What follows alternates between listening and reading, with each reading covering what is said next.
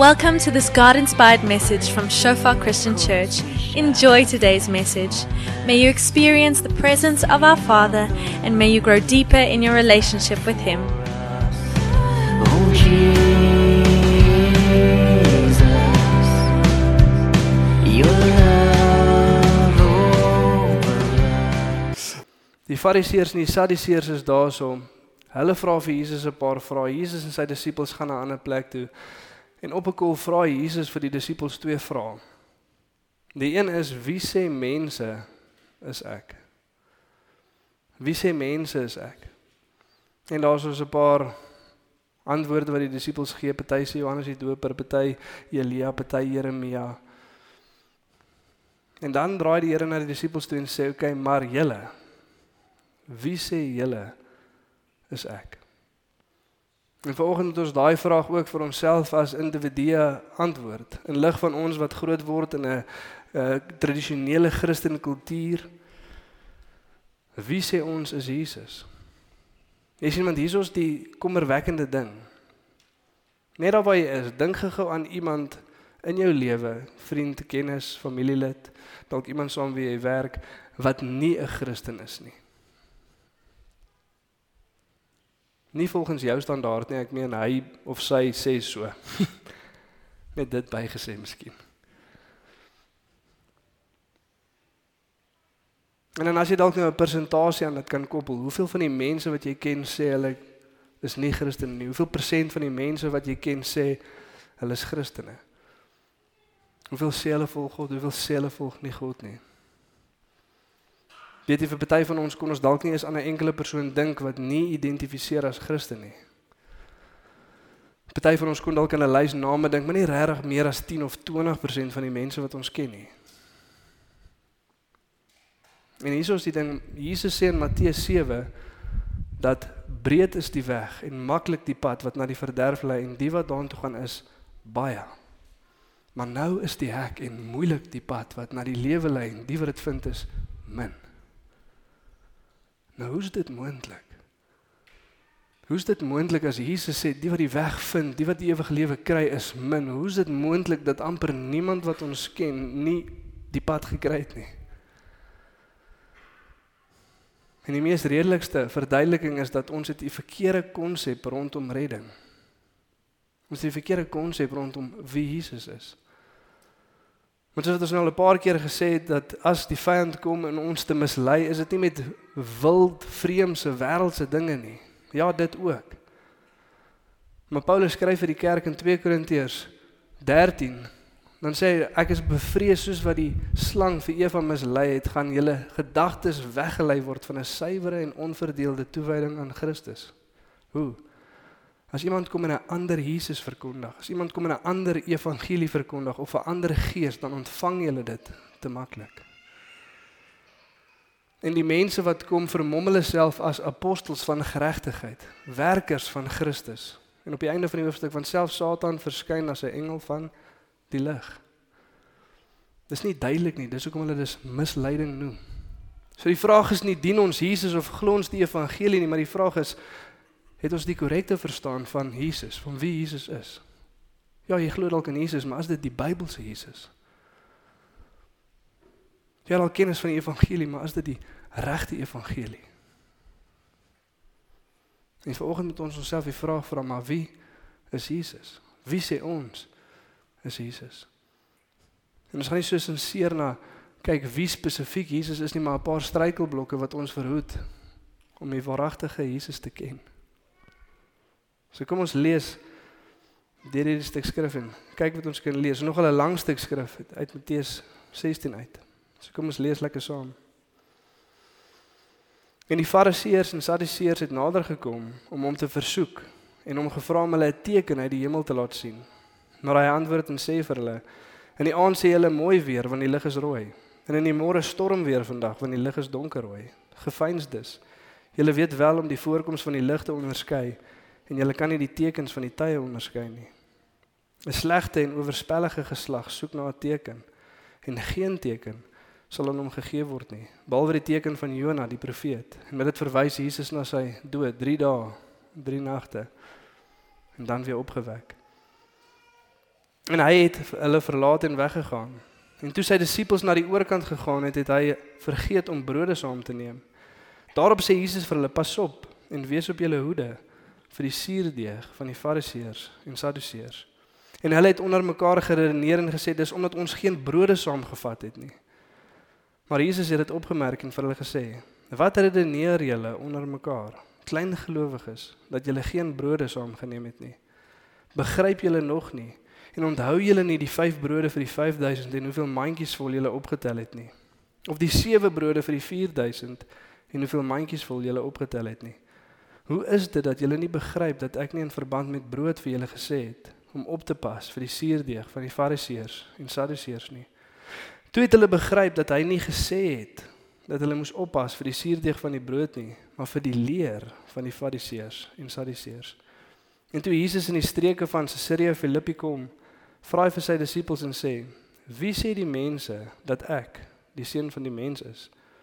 En hulle antwoord: "Sommige Johannes die Doper, sommige Elia, ander Jeremia of een van die profete." Hy sê vir hulle: "Maar julle, wie sê julle is ek?" En Simon Petrus antwoord en sê: "U is die Christus, die seun van die lewende God." Toe antwoord Jesus en sê vir hom: "Salig is jy, Simon Barjona, want vlees en bloed het dit nie aan jou geopenbaar nie, maar my Vader wat in die hemel is." En ek sê ook vir jou, jy is Petrus en op hierdie rots sal ek my gemeente bou en die poorte van die doodryk sal dit nie oorweldig nie. En ek sal aan jou die sleutels van die koninkryk van die hemel gee. En wat jy ook op die aarde mag bind sal in die hemel gebonde wees en wat jy ook op die aarde mag ontbind sal in die hemel ontbonde wees. Daarop het hy sy disippels bevel gegee dat hulle vir niemand moet sê dat hy Jesus die Christus is nie.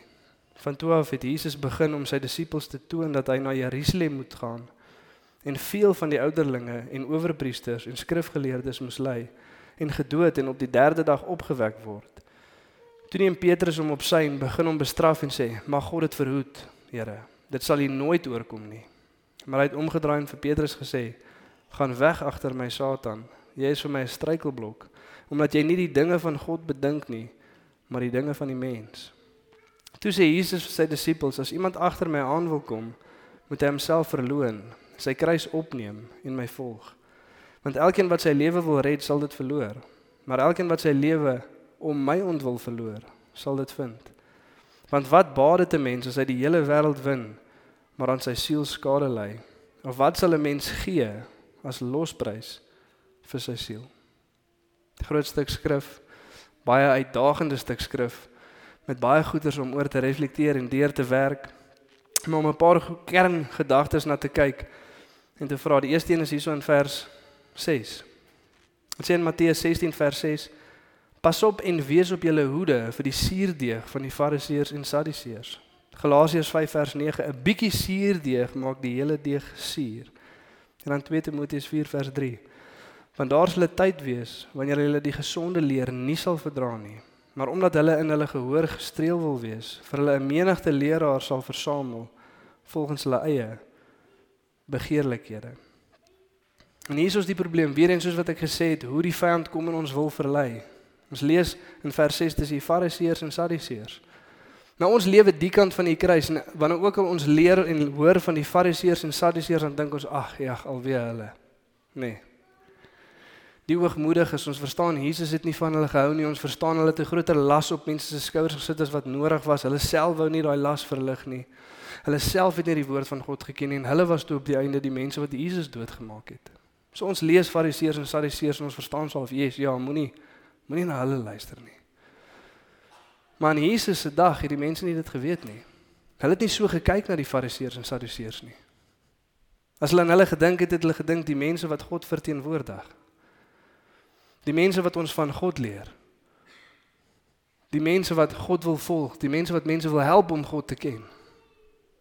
Selfs soos wat ons in ons dag mense het wat van God wil leer en mense wil lei. En dit is 'n bietjie moeiliker om raak te sien en hierso is nou weer eens die probleem ook Galasiërs 5 vers 9 'n bietjie suurdeeg maak die hele deeg suur. Sien hierso is die probleem hoekom lewe ons soos ons lewe? Want ons glo soos ons glo. Ons geloof sal onvermydelik ons lewe beïnvloed. Ons sal lewe volgens dit wat ons glo.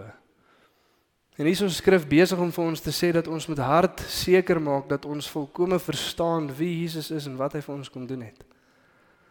'n Klein bietjie seerdig, iewers 'n 'n idee wat nie reg is nie. Iewers 'n doktrine wat nie belyn is volgens skrif nie, het die vermoë om die hele stuk deeg te versuur.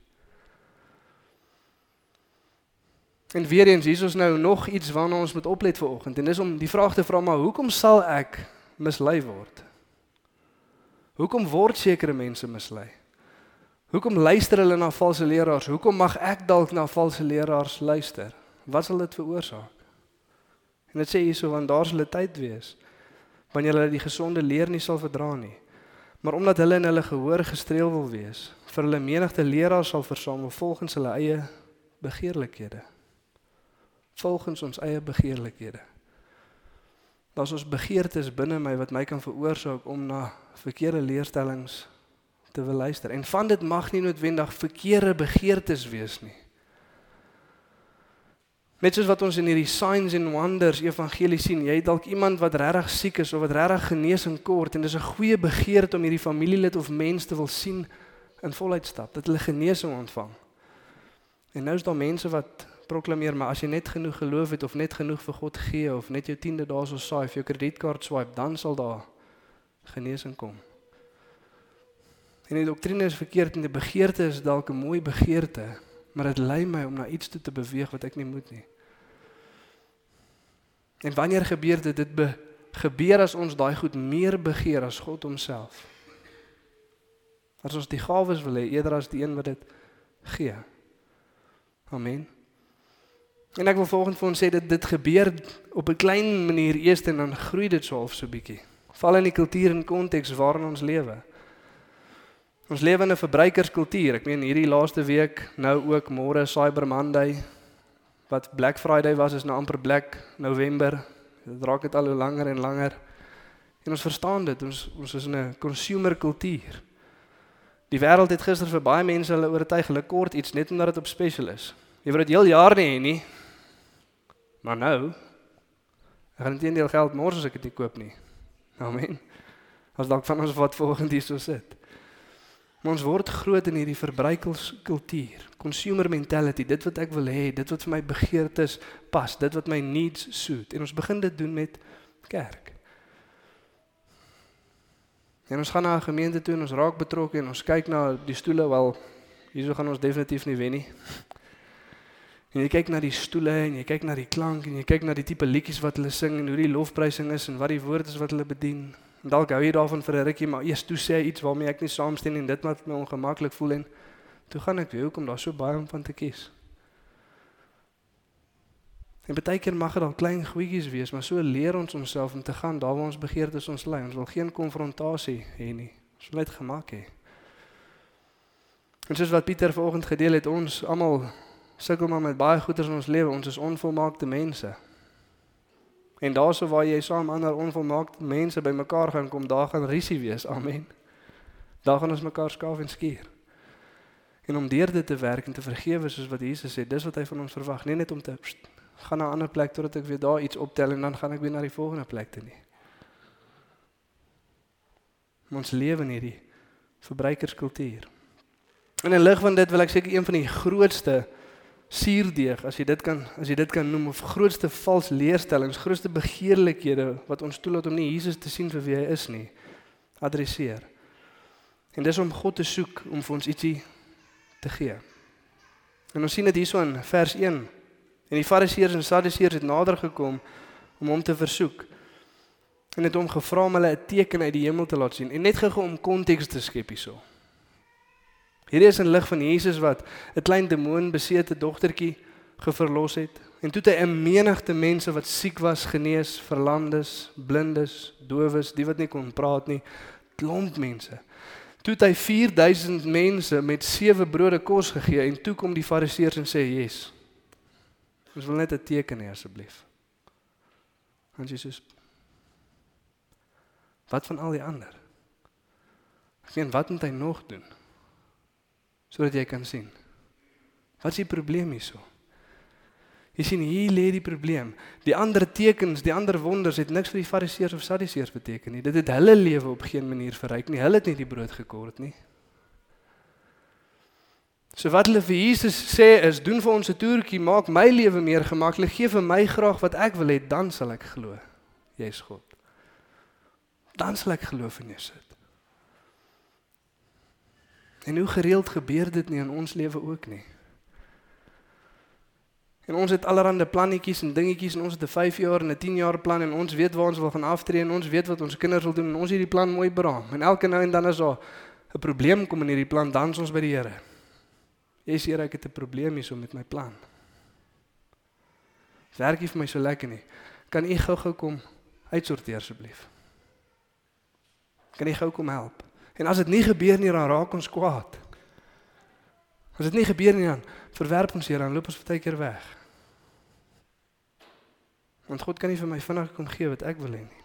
Dis dieselfde hierso in Petrus se lewe. Maar hy het omgedraai en vir Petrus gesê gaan weg van my af Satan. Jy is vir my 'n struikelblok omdat jy nie die dinge van God bedink nie, maar die dinge van die mens. En weer eens Jesus is 'n baie belangrike ding om te besef. Petrus het 'n paar minute terug die regte antwoord gegee. 'n Paar minute terug het Petrus gedink, "Jesus like. Hier het ek dit nou." Kyk, ek het 'n bietjie gewonder, maar ek seker ek's nou op koers. Jesus het gevra wie sê ek het gesê hy is die Christus, die seun van die lewende God. Hy het vir my die sleutels van die koninkryk gegee. Ek kan goed oop en toesluit, bind en toebind. 5 minute later staan agter my Satan. Serovie. En wat dit ook vir ons leer is net omdat ons eens op 'n kol God met oorgawe gedien het en vir die regte redes gevolg het, beteken nie dit bly net van self spreekend so nie. Gaan nie net van self so bly nie. Net omdat dit een keer so was, beteken dit nie dit bly net so nie. Ons is so maklik en so geneig om ons oë te vestig op die dinge van mens. En hoekom het Petrus vir Jesus gesê nee, dit sal nooit gebeur nie? Want wat was hulle idee van wat die Christus moes kom doen? Wat sou die redder kom doen? Sou hulle kom bevry van Romeinse onderdrukking sodat hulle weer in beheer kan wees en heers oor Israel, die land van melk en honing. En Petrus dink ook Jesus is hier om ons te help sodat ons weer kan kry en kan hê wat ons graag wil hê. En Jesus sê nee, ek gaan doodgaan. Ek weer opstaan. Die probleem is groter as dit. Die redding is breër as net dit. Is nie gefokus op die dinge van mens nie. En wat is die hoofsaaklike dinge van mens? Gesondheid. Geld. Welvaart. En ons sien dit vandag verkondig in kerke. Wil jy geluk hê, wil jy 'n beter lewe hê, het jy 'n gat in jou sak, kom dien Jesus. Is dit klink nice. Hy maak jou probleme reg. En wat is die probleem? Jesus is nie die einddoel nie. Iets anders is die einddoel. Hy's nou maar net die manier om by daai einddoel uit te kom. Ek sê nie ons moet nie God vertrou vir goed nie. Ek sê net ons moet dit nie die belangrikste ding maak nie. Die ander dag sien ek 'n advertensie van 'n kerk in die stad en hulle het 'n deurbraakdiens. 'n breakthrough service. En soos wat ek nuuskierig is, lees ek 'n bietjie meer oor hierdie deurbraakdiens en ek sien aan die onderkant wat is die goedjies waarvan jy 'n deurbraak kan verwag as jy kom na hierdie diens toe. Jou huwelik, jou werk, jou finansies, jou gesondheid. Nie een is 'n dieper verhouding met Jesus nie. Nie een is 'n groter bereidwilligheid om hom te dien met alles in ons nie. Nie een is om hom te ken en om hom bekend te maak nie. Maar aardse goed. En dan raak mense kwaad oor hierdie valse leraars, maar hoe kan hulle? Hoe doen hulle? Dan sê die skrif die probleem is nie hoofsaaklik die valse leraars nie, maar die begeertes van die mense wat na hulle luister. En soos ons geneig is om die hele tyd na sekere tipe mense te luister, gaan maak seker wat hulle sê. Want dit mag dalk net vir jou wys wat jy eintlik begeer. Ons ook iets wat ons baie keer moeilik self raak sien die verkeerde begeertes in ons eie lewe. Wat is nou die eerste punt toe vanoggend? Wie sê julle is ek? Waak daarteen om jou geloof op die dinge van mense te bou. Jy sien daar's mense wat sê, "Hoekom volg jy God?" en hulle sal vir jou sê, Nee, my lewe was een keer so gewees of ek het gesukkel met daai of was finansiëel die of gesondheid dit en toe die Here my kom genees of gered of wat ook al. Dis hoekom ek kom dien. Maar wat as jy nou weer siek word? Wat as die Here weer jou finansies wegvat? Wat as jy jou werk weer verloor? Wat as jou huwelik weer nie op 'n goeie plek is nie? Sien maar die rede hoekom ons hom dien is want hy dit maak werk vir my toe ek dit nodig gehad het en hy dit so ver aanhou doen. Maar wat as dit ophou? Wat dan? Wat gebeur dan? Jy sien nou was 'n hele paar jare terug 'n onderhoud gewees van 'n ou wat verduidelik hy was in China gewees om bietjie daarso 'n paar pastore te gaan oplei wat daar in die ondergrondse kerke met die mense werk. Dink baie van ons het al die video gesien. So blonde kop pastoor of leraar. Dalk was hy grys, selfe ding. Vir die ou mense sê ek's nie grys nie, ek's blond. Maar hy gaan soontoe en hy is besig om daarso met die mense te werk en hulle kon nie genoeg Bybels insmokkel om vir almal te gee nie en soos wat hulle die Bybels uitdeel sê ou kous lees uit 1 Petrus 2 en die oomblik toe hy dit sê gee die een persoon hulle Bybel vir die persoon langs hulle. En hy sê hoekom gee jy jou Bybel vir daai persoon? En sy antwoord ek ken klaar hierdie hoofstuk. Ek ken klaar die hoofstuk. Sê hoe so hy sê ons kry die hoofstukke op papier in die tronk as ons toegesluit is. Dan probeer ons dit so vinnig as moontlik memoriseer voordat hulle dit wegvat. Ek ken klaar daai hoofstuk. En nadat hulle met hulle gesels oor al hierdie goeie wat in China gebeur in die vervolging, sê die ou ek sal vir julle bid dat julle ook soos ons kan wees. En die persoon sê nee, asseblief moenie dit doen nie. Asseblief moenie dit doen nie. Want by julle as die kerk te ver is om na te ry dan kom niemand nie. Ons het 3 ure in 'n trein gery, saam ingedruk in 'n boks sodat ons hier kan wees want die mense mag nie weet ons kom hier toe nie. As die stoele nie gemaklik is nie of daar's nie aircon nie, dan bly die mense nie daar nie. Ons sit hier so op 'n houtvloer. Die gemiddelde gesin het 3 Bybels, maar hulle lees nie een van hulle nie. Ons memoriseer skrif in stukke papier af. Bid net vir ons dat Jesus by ons sal wees en dat ons sal groei. Sien ons het 'n groot voorreg om God te kan dien in die kultuur waarin ons doen. Maar dit kom ook met 'n prys. Gemaak, ons verstaan nie wat ons het nie. Ons vat te veel goed van selfsprekend in hierdie welvaart evangelie, maar ken ons regtig die prys van Jesus volg? Ons lewe regtig te verloor. Ek meen as oulik as ons die prentjie in ons kop het. Ja, ek seker as dan nou 'n ou deur die deur kom en hy druk sy kant in my kop en hy sê, "Ken jy Jesus?" Dan gaan ek sê, "Ja." So vinnig en okay, maar wat as hy vir 'n paar maande in 'n tronk sit en hy laat jou eers lei? Deur allerlei vreemde goedjies gaan ons dan nog steeds dieselfde sê. Dit is oulik en dit is 'n denkbeeldige prentjie. Maar as ons regtig besig om ons lewe neer te lê om God te volg of is ons besig om vir God te vra om ons lewe te kom verryk? Weereens, waar sal ons dit sien? Waar sal ek 'n indikasie kry van of dit waar is? Ons gebedslewe. Party van ons besef dalk soos wat ek het sê, ek kan nie regtig na my gebedslewe kyk nie want daar is nie tans een nie. Hoekom want ons soek dalk nie nou iets nie. Maar waarvoor bid ons? So dit sê Paulus nie tronk skryf hy vir die kerk en nie een keer bid hy dat hulle hom sal vrylaat omdat hy onregverdig daar gehou word nie. Nee maar wat bid hy? Bid dat daar of my pad gemaak sal word sodat ek evangelie kan verkondig soos ek moet. Die koninkryk van God die missie van God die evangelie na die nasies dis waarmee ons besig is. Amen Maar waaroor bid ons belangrik om hierdie te verstaan dit gee vir ons 'n idee van wie Jesus is Wie dink ek is hy? Dink ek hy's die koning, die soewereine God van die heelal? Of dink ek hy's 'n oulike ou wat my nou en dan kan gee wat ek graag wil hê? Belangrik dat ons hierdie verstaan mense. Ons idee van God sal ons hele lewe beïnvloed. Hoe ons leef. Belangrik dat ons dit sal verstaan. Jy sien dit ook in sommige ateëste as hulle debat voer. Sê ek sê vir jou wys God bestaan nie kyk hierso. O God, as jy regtig bestaan, kom manifesteer jouself nou dadelik in hierdie gebou. Poep kyk niks. En die ironie is dat as God dit sou doen, is hy nie meer God nie. Hoekom? Want hy lewe nie volgens ons wil nie. Ons lewe volgens syne. Amen. As ons God op trial sit, want dis wat ons baie keer doen. Soos wat die Fariseërs, kom gee vir ons 'n teken, kom wys vir ons hierdie ding. As jy regtig God is, kom wys. Kom doen nie toertjie dan is God nie meer God nie. Nie dit werk nie. Ware geloof doen nie dit nie. Daniël 3, ons ken die stories, Sadrag, Mesach en Abednego voor Nebukadneser. Maak jy standbeeld sê as jy musiek speel met julle buig of julle gaan brand. Musiek begin speel en die mense kom en sê daar's drie Hebreëse seuns, hulle wil nie buig nie. Kom voor die koning en wat vir my snaaks is, Nebukadneser werk obviously met mense so hy dink hulle verstaan verkeerd eerste. Hy sê ek weet nie of julle mooi verstaan nie, maar as die musiek speel maak so. Hulle sê nie ons verstaan ook koning, maar ons wil hê jy moet weet, ons sal nie voor hy standbeeld buig nie. Die God wat ons dien, kan ons red, maar al doen hy nie, gaan ons nie buig nie. Die God wat ons dien, kan ons red, maar al doen hy nie, sal ons nie buig nie. Ons weet dis nie hoe ons God werk nie. Ons skryf hom nie voor nie. Hy kan, maar al doen hy nie, gaan nie buig nie. Dit is ons geloof. Dit ons gebedslewe lyk. Here, U wil geskied.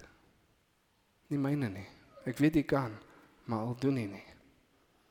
Sal ek nog steeds nie buig nie. Ek sal nog steeds volg. So dit aan die een kant is die dinge van mense, die goedjies wat ons wil hê. Die ander kant is die sieninge van mens. Jesus vra hierdie vraag in vers 15. Hy sê vir hulle maar julle, wie sê julle is ek? En hierdie is in die konteks van hulle wat by Caesarea Philippi is, 'n stad met baie afgode. Verskillende gelowe, van die persoon wat honderde verskillende gode dien, die een wat dit laat reën, die een wat dit laat son skyn, die een wat dit bewolk maak, die een wat vir jou 'n vrou gee, die een wat vir jou 'n kind gee, die een wat vir jou geld gee. Die wat help as daar oorlog is, maar daar's klomp verskillende gode en daar gaan jy en jy maak offer en jy gee geld as jy iets wil hê. Tot mense wat die Romeinse keiser aanbid klomp verskillende goed en Jesus in die middel van hierdie plek vra vir hulle Jesus. Wie sê julle is ek? Wie sê julle is ek? En vanoggend wil ek vir ons daai vraag vra. Wie sê jy is Jesus en hoekom? Waar het jy jou siening van God vandaan gekry? Hoekom glo jy soos wat jy glo? Hoekom maak jy soos jy maak?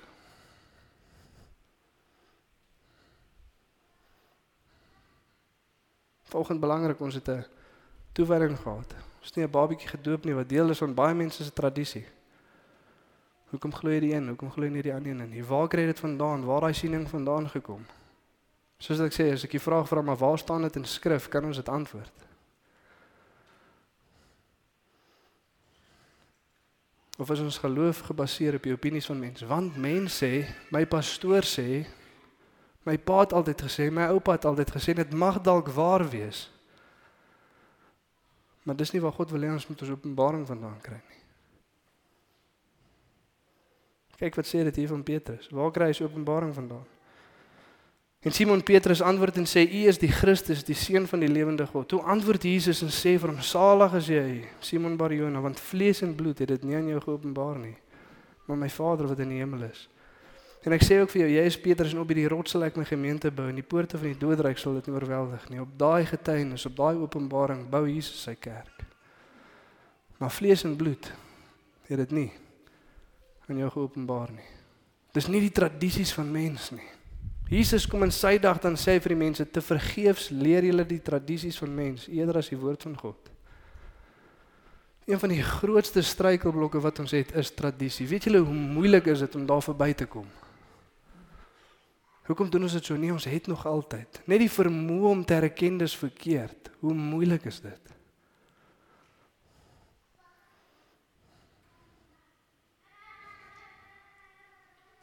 En terwyl tradisie goed en akkuraat kan wees, is dit nie die hoofsaaklike plek waar dit vandaan moet kom nie. Dit moet kom van Jesus af. Ons lees in 1 Korintiërs 2 vers 10, maar ons het die gees van God ontvang sodat ons vrylik die dinge van God mag weet. Want wie verstaan die gedagtes van 'n mens behalwe die gees van 'n mens? So verstaan niemand die gedagtes van God behalwe die gees van God nie. Die gees ondersoek alles, selfs die diep dinge van God en ons het nie die gees van hierdie wêreld ontvang nie. Maar die gees van God sodat ons vrylik die dinge van God kan ken. So die weg is gemaak. Jesus het gesterf, die gees is uitgestort. Ons kan God ken werklik. Maar die vraag is, wil ons? Wil ons sy goed hê of wil ons hom hê? Wil ons sy goed geniet of wil ons hom geniet? Ek sê ons kan nie albei doen nie, maar wat is een primêr? Maar waar kom kry ons ons openbaring van God vandaan? Vat ons na punt nommer 2 toe. Ons moet verby vlees en bloed beweeg. Ons moet verby vlees en bloed beweeg. Jy sien party mense se hele geloof is gebou op 'n persoon wat 'n sekere boodskap verkondig. En elke nuwe leerstelling, elke YouTube video, elke nuwe ding moet ons lees, moet ons kyk. En party mense vlieg reg oor die wêreld na hierdie konferensie, na daai konferensie, na daai ding. Party mense na hierdie beweging van God, daai beweging van God. Nee, daar's nou 'n herlewing in Afrika. Nou moet die mense opvlieg Afrika toe want God is besig daar. Hy's nie die week in Suid-Afrika nie. Ons ken dit. En elke nou en dan het ons 'n verskillende siening. Nou het ons so geglo, toe het ons so geglo, dan moet ons so glo. Maar elke nou en dan iets anders. Hoekom? Want dit is gebaseer op die opinie van mens. En soos wat ek sê, seker van nou opinies kan reg wees, maar hoe weet ons of dit waar is? Hoe weet ons of dit waar is? Was dit 'n mooi voorbeeld in Handelinge 17 van vers 11 af. Julle kan dit gaan lees, maar dis Paulus en Silas wat gaan na die kerk in Berea toe om daardie woord van God te gaan verkondig. En dit sê dat die Jode daarso they were more noble than those in Thessalonica. Want hulle het die woord van God met groot vrymoedigheid ontvang. Maar hulle het die skrifte dag na dag geondersoek om te sien of hierdie dinge so was. Daarom het 'n groot nommer van hulle gelowig geword. Hulle het die skrif ontvang met groot vrywilligheid, maar dag vir dag die skrif ondersoek om te kyk of hierdie dinge so was. And many of them became obedient to the faith. Therefore, daarom. Ons rede hoekom die kansel die sentrale plek in die kerk het. Hoekom? Want God wil hê ons moet die woord van God in mekaar bedien, maar wat wil hy hê moet ons doen as ons nou huis toe gaan? Die woord gaan bestudeer om te kyk of hierdie dinge so is sodat ek in gewoord en in gebed tyd saam met God kan spandeer sodat my geloof nie rus op die opinie van mense maar op openbaring wat van God afkom. Om te gaan sit voor God met sy woord en gebed. Dit gebeur nie gou-gou nie. En baie van ons sê ons het nie tyd nie. Dan maak jy tyd. Dan maak jy tyd. Hier is lewe en dood. Ons is belangriker as dit nie. Jesus ons bedien die woord van God in mekaar, maar self gaan sit ons dan en ons lees dit en ons bid en ons wag op God om ons openbaring te kom gee. Amen. En dis wat God van ons verwag. Nou die toets, maar hoe sal ons weet? Daar's 'n klomp doktrines, daar's 'n klomp verskillende goeters wat ons kan deurgaan. Miskien 'n helpvolle oefening wat jy kan gaan doen as jy kan huis toe gaan en jy kan 'n lysie maak. Een begin by die doktrine van God, God die Vader, God die Seun, God die Heilige Gees. Dan mens, ons, wie's ons? Die probleem van sonde, dan redding. Wie en wat is die kerk? Wat is die doel van die kerk? Hoe leef ons dit uit? En so maak jy jou lys en dan langs aan dan skryf jy maar hoekom glo ek wat ek glo rondom dit. En jy gaan of 'n persoon se naam daar skryf of jy gaan 'n stuk skrif daar skryf. Maar hoekom glo ek wat ek glo rondom dit? Is dit die opinie van die mense of is dit die woord van God? En daar waar jy nie kan invul nie, daar gaan soek en gaan lees en gaan bid jy totdat jy dit daar kan skryf. Amen. Maar hoe weet ek of ek werklik die regte Jesus volg? Of ek werklik die regte Jesus ontmoet het? Vers 21 en 24. Van toe af het Jesus begin om sy disippels te toon dat hy na Jerusalem moes gaan en veel van die ouderlinge en owerpriesters en skrifgeleerdes moes lei en gedood en op die derde dag opgewek word. Toe sê Jesus vir sy disippels: "As iemand agter my aan wil kom, moet hy hom verloon, sy kruis opneem en my volg." sien wanneer ons begryp wie Jesus is en wat hy vir ons gedoen het, dan is die natuurlike resultaat ons wat ons lewe vir hom neerlê en hom volg. Ons 'n mooi stuk skrif in 2 Korintiërs 5 van vers 14 af. Dit vang dit nog om op te sê die liefde van Christus dring ons omdat ons tot die besef gekom het dat een vir almal gesterf het. Daarom het almal gesterf sodat die wat leef nie meer vir hulle self sal lewe nie, maar vir hom wat vir ons gesterf het en weer opgestaan het. Dis hoe ek weet. My gebede is gevul met Here, U wil geskied, U koninkryk kom, nie myne nie. En my lewe wys dit ek leef dit uit soos wat oom Gerard gesê het. 'n Persoon wat geesvervuld en wedergebore is, trek die wil van God in sy lewe in en het 'n begeerte om dit uit te leef. En party van ons sit dalk hier so volgende en sê maar ons het al gehoor, ons het al gesien. Die evangelie boodskap gehoor, ons ons, weet ons moet disippels maak. Ons weet ons moet die evangelie verkondig. Tyd nie woord tyd nie, dit gebeur net nie. Jaar na jaar na jaar en ek seker hierdie is die jaar wat dit gaan gebeur, maar dan doen dit nie. Hoekom? Jy het nog nie geskei van die opinie van mense aan die openbaring van God nie. Dis een ding om iets te weet, maar om toe te laat dat God dit aan ons toe kom openbaar is iets anders. Gaan raak stil voor God en laat hom toe om 'n werk te kom doen. Amen. Laaste twee verse. Want elkeen wat sy lewe wil red, sal dit verloor. Maar elkeen wat sy lewe om my ontwil verloor, sal dit vind. Want wat baat dit 'n mens as hy die hele wêreld wen, maar aan sy siel skade ly? Of wat sal 'n mens gee as lofprys vir sy siel? En daai vers 25 beteken nie om dood te gaan fisies primêr nie. Dit beteken om jou wil neer te lê voor God sodat ons vir hom kan lewe. En soos wat Maria vanoggend gesing het en soos wat Pieter ook vanoggend kom deel het, party van ons is so bekommerd, so angstig, so leeg, so depressief en ons jaag, jaag, jaag na klomp goed, maar dit hou ons leeg. Hoekom? Want daar's net een wat ons dors werklik kan les en dis Jesus. In Johannes 4 dan sê dit vir die vrou: As jy van die water drink wat ek gee, sal jy nooit weer dors nie. Hou op. Staan stil. Stop dit. Hou op jaag, jaag, jaag agter wêreldse goed aan. Kan jy nie sien dit maak jou meer kwaad, meer angstig, meer ongeduldig, meer ontevrede nie? Kan jy dit nie sien nie? Stop en kyk net. Hou op. Dis 'n swaar las om te dra. Jy hoef nie dit te doen nie. Kom na my toe. Almal wat moeg en oorlaai is. Kom na hom toe. En hy sal jou dors les. En in daai selfde stuk dan stuur Jesus die disippels in die dorp om te gaan kos kry en as hulle terugkom dan sê Jesus maak dit kos om te eet waarvan julle nie weet nie. En dan sê hy my kos is om die wil van die Vader te doen. As jy regtig 'n lewe van oorvloed wil lewe wat bevrediging bring, dan is dit om hom te ken en om hom bekend te maak. Dis dit. Dis hoekom ons hier is. Ek sê nie bedank jou werk nie, ek sê doen dit by jou werk.